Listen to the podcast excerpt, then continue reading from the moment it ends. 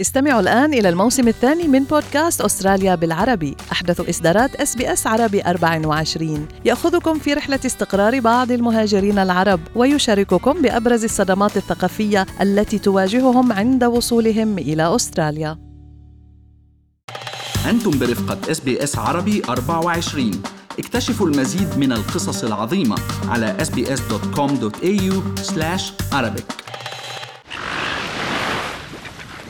أول مرة أتسبح في أستراليا كان كتير بختلف عن الدول الثانية ليه؟ لأنه أنا بتذكر أنه أكثر شيء بتذكره هو برودة المي كنت لما بنزل المية في بونداي بنزل لغاية ما المية تيجي عند وسطي بس أو حاجة كده. لازم أكون شايف الحتة اللي حواليا. لو في أكتر من كده ابقى قلقان إن ممكن يحصل shark attack أنت بدك تاخدي مشروبك أنت بدك تحملي الشمسية تحملي البساط تحملي الحرام أنت بدك كله تحمليه وتشتري أكلك وتلعبي مثلك مثل الكبير والصغير والختيار الكل بيلعبوا مع بعضهم بالرمل. غير مفهوم مختلف تماما عن المنتجعات يلي تعودنا عليها بلبنان مثلا. مرحبا معكم مرام إسماعيل من بودكاست أستراليا بالعربي. واليوم رح نحكي عن ثقافة الشاطئ الأسترالية المعروفة بالبيتش كلتشر أيا كان شاطئكم المفضل أكيد في ذكريات بتربطكم فيه. ولمحبي البحر بحب أقولكم إنه أستراليا موطن لأكثر من 10000 شاطئ. وإذا كنتوا ناويين تزوروا شاطئ جديد كل يوم فرح تاخدكم الشغل تقريبا 27 سنة لتخلصوهم. والسبب وراء كثرة الشواطئ بأستراليا هو موقعها الجغرافي في العالم بين المحيط الهندي وجنوب المحيط الهادئ. وفيها كمان أكثر من حوالي 8200 جزيرة وأكبرهم هي جزيرة أو ولاية تزمانيا. وبيتركز سكان أستراليا على طول السواحل الشرقية والجنوبية. الشرقية فيها. مثل ما عرفت من الأستاذ المحاضر والناشط في شؤون البيئة الدكتور جمال رزق. نحن 80% من سكان أستراليا بيعيشوا على الشط هذا المي، عشان هيك ثقافتنا كلها طالعة لها علاقة بصيد السمك، لها علاقة بالسباحة، نحن الدولة الأولى بالعالم بس نروح على الأولمبياد أو على الألعاب الأولمبية دائما السباحين الأسترالية بيكونوا مهره، نحن شعب بيعيش على المي وثقافته كلها مرتبطة بالمي وكل شيء عندنا بحري. واكتشف الأستراليين متعة الشاطئ الحقيقية مع مرور الوقت ونمو عدد السكان والمدن الأسترالية. وصاروا الأطباء يوصفوا هواء البحر العليل والمياه المالحة للتحلي بصحة جيدة وبعدها بلشت تظهر منتجعات ساحلية في جميع أنحاء البلاد. وبحلول أوائل القرن العشرين صار الشاطئ يرمز إلى نمط الحياة الأسترالي المفعم بالمتعة الحرية والاستقلال. فصل الصيف في أستراليا هو أكيد موسم الذهاب للشاطئ. اليوم اللي بتكون الشمس فيه طالعة بيتوجه مئات الأستراليين إلى الشواطئ حول الولايات. ومع إنه الشمس بتدفي الطقس وبتحفز الكثير ليروحوا على البحر إلا إنه التعرض لأشعتها لساعات طويلة في اليوم ممكن يكون له مضار أكثر من منافع. والحماية من أشعتها الفوق بنفسجية الضاره مهم كثير خصوصا للوقاية من الإصابة بسرطان الجلد. يعني قوتها كفيلة بالتسبب بحروق من الشمس في عشر دقائق فقط. لهيك اسأل مجرب وسيلفا زميلتي جربت حرقة الشمس وحرمت. إذا بدك تروحي على البحر بأستراليا مجبورة تعملي سليب سلاب سلوب هيدي حملة وطنية كل صيفية بتذكرنا فيها الحكومة الأسترالية حتى ندهن لإلنا وللولاد خاصة على كل جسمهم يعني كل جسمهم. كريم واقي من حرارة الشمس. لأن لو كنت بتحبي كتير الشمس شمس أستراليا بتحرق بتحرق وحرقة بيوجع كتير وما فيك تمسحي معها. على أبواب الدخول إلى الشواطئ الأسترالية رح تلاحظوا وجود لافتات بتقولكم قواعد الدخول إلى هذا الشاطئ يعني ممنوع التدخين أو اصطحاب الكلاب مثلا. وفي معظم الشواطئ الأكثر شعبية ممكن تشوفوا سباحين منقذين مؤهلين معروفين باللايف سيفرز. المنقذين السباحين وظيفتهم الإنقاذ من الغرق تقديم الإسعافات الأولية والرعاية الصحية الطارئة. وعلى البحر كمان في أستراليا رح تلاحظوا وجود أعلام ملونة لتنبيه الزائرين على القواعد المتبعة على البحر في هذا اليوم. وفارس زميلي رح يقولكم معناهم. لما تشوفوا العلم الأحمر والأصفر على البحر اعرفوا أنه المنطقة اللي بيناتهم هي المنطقة اللي بيشرف عليها المنقذين لهيك ينصح بالسباحة فيها. أما العلم الأحمر فمعناته أنه الشاطئ مغلق ولا يمكنكم السباحة فيه. والعلم الأسود والأبيض يعني الركوب والتزحلق على الأمواج غير مسموح. وأخيرا بنبه العلم الأصفر إنه في أمواج معتدلة ومن الأفضل إنه السباحين الضعفاء يتجنبوا السباحة في هذه المنطقة وبالنسبة للآخرين ينبغي توخي الحيطة والحذر في المياه. الأستراليين بهوا الرياضات المائية بأنواعها ولكن ركوب الأمواج هي أحد أيقونات ثقافة الشواطئ الأسترالية. واللي عرف الأستراليين على هاي الرياضة كان دوق من جزر هاواي معروف بكهانا ماكو. وركبوا الأمواج أول مرة على شاطئ فريش ووتر في سيدني عام 1915 وفي عام 1956 جابوا المنقذين الأمريكيين ألواح ركوب أمواج ماليبو المعروفة بخفة وزنها إلى أستراليا. لتزداد شعبية ركوب الأمواج بين الأستراليين وتسمح لهم بإتقان ركوب الأمواج والإبداع بهاي الرياضة. ومع السباحة وركوب الأمواج أكيد ممكن تصير حوادث وأغربها في أستراليا هو التعرض لهجوم من سمك القرش. paddling for their lives after a terrifying shark attack. The seven year old girl is tonight in hospital undergoing نحن بالعام بالمعدل العام باستراليا بيموت عندنا شخصين بالسنه بياكلهم يعني بيقتلهم الكرش أو بياكلهم الكرش ونحن عندنا عندنا شيء بيعقد يعني نحن عدد الكرش اللي عندنا بأستراليا عندنا 150 صنف من أصل 500 صنف موجودين بالعالم كله. ثلث كروش العالم عايشين بالمياه الأسترالية. ليش ما بعرفش ليش حبوا يعني؟ وهن في في منهم هود ال 180 صنف مش كلهم شريرين. في 26 صنف شرير. هود اللي بيهاجموا الناس بوحشية. ومنهم من هود ال 26 صنف بالعالم كله 22 صنف عايشين بالمياه الأسترالية.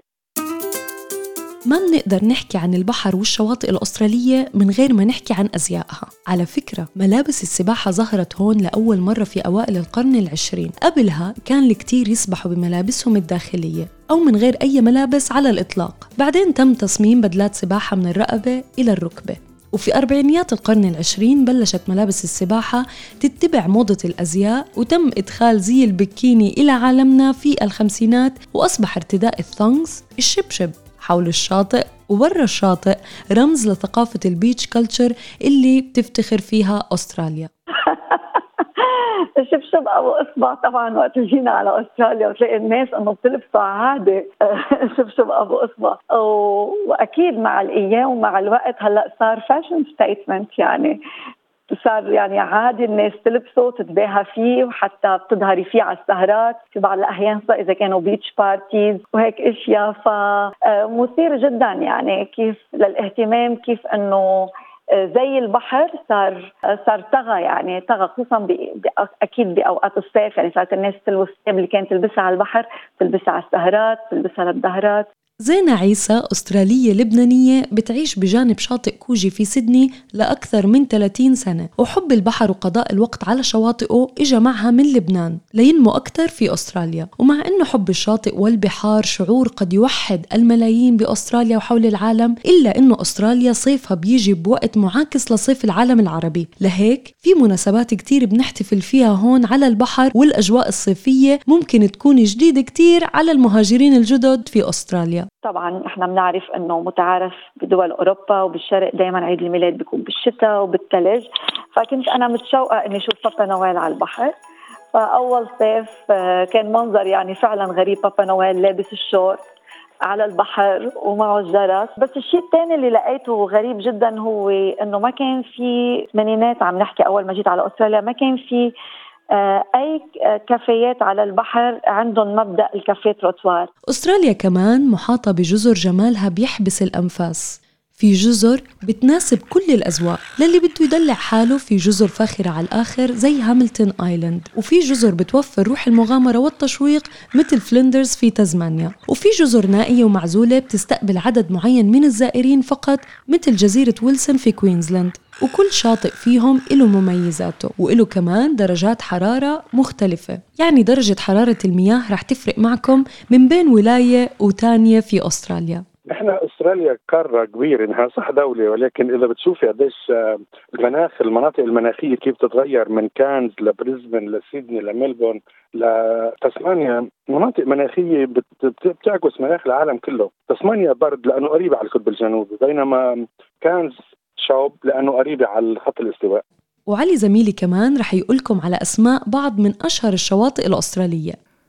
من أجمل شواطئ ولاية كوينزلاند شاطئ وايت هيفن. الشاطئ ده مميز بسبب بياض رملته ونعومتها. ولاية فيكتوريا مية المحيط فيها برد حبتين ولكن عدد كبير من الناس أجمعوا على جمال شاطئ هاف مون. بالنسبة لولاية غرب أستراليا في شواطئ ساحرة أيضا ومميزة. من أهمها شاطئ يالينجاب الناس بتروح يالينجاب علشان يستمتعوا بالشوي والاسترخاء أمام مشاهد الطبيعة الخلابة. ما أظنش إن في حد ممكن يختلف معانا إن شاطئ بونداي هو الأكثر شهرة في نيو ساوث ويلز ورغم إن في شواطئ أحلى منه بكتير لكن بونداي بيتمكن من اجتذاب السياح من حول العالم سنويا.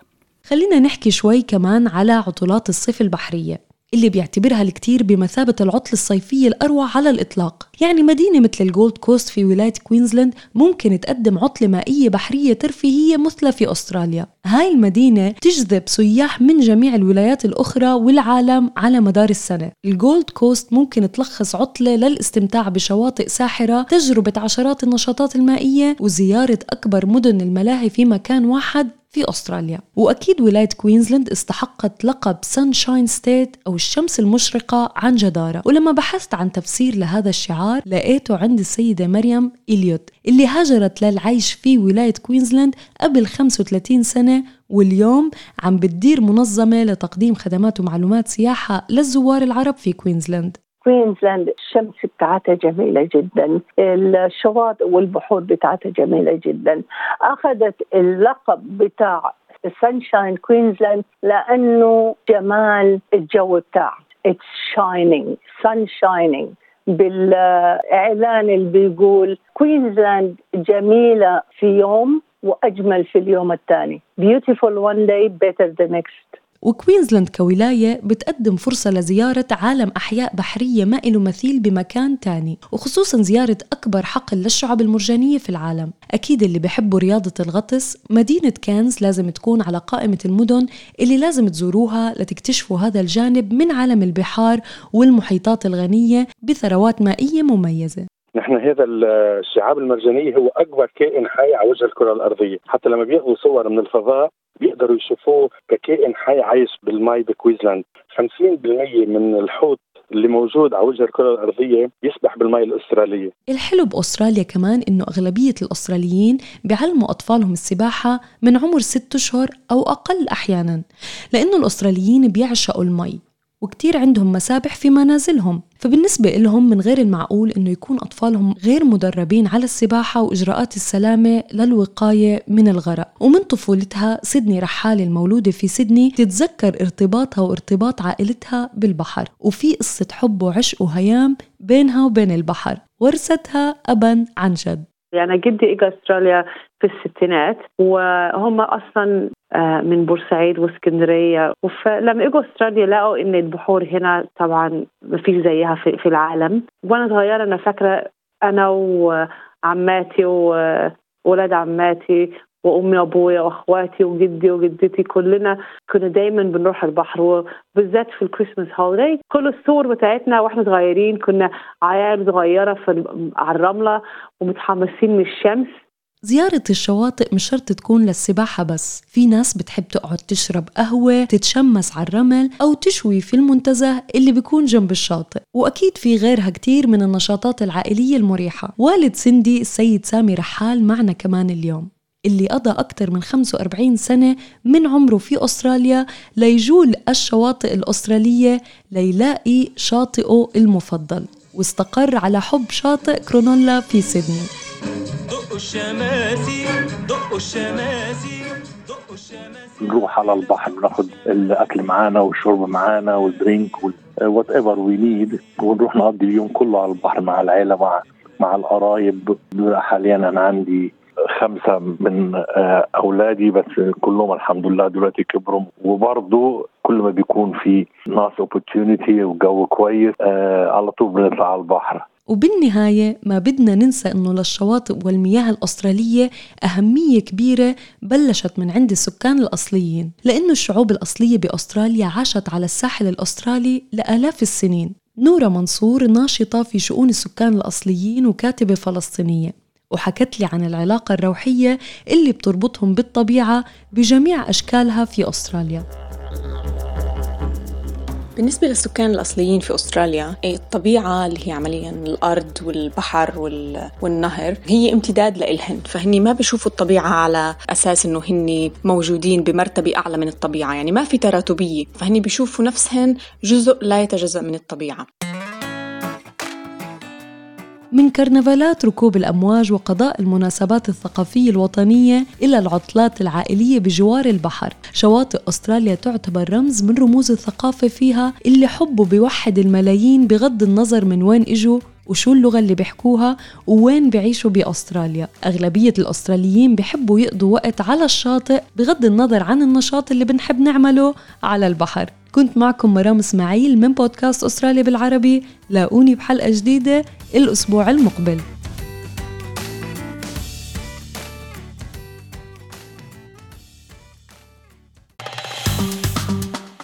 اضغطوا على ال like أو على ال share أو اكتبوا تعليقاً. تابعوا SBS عربي 24 على الفيسبوك.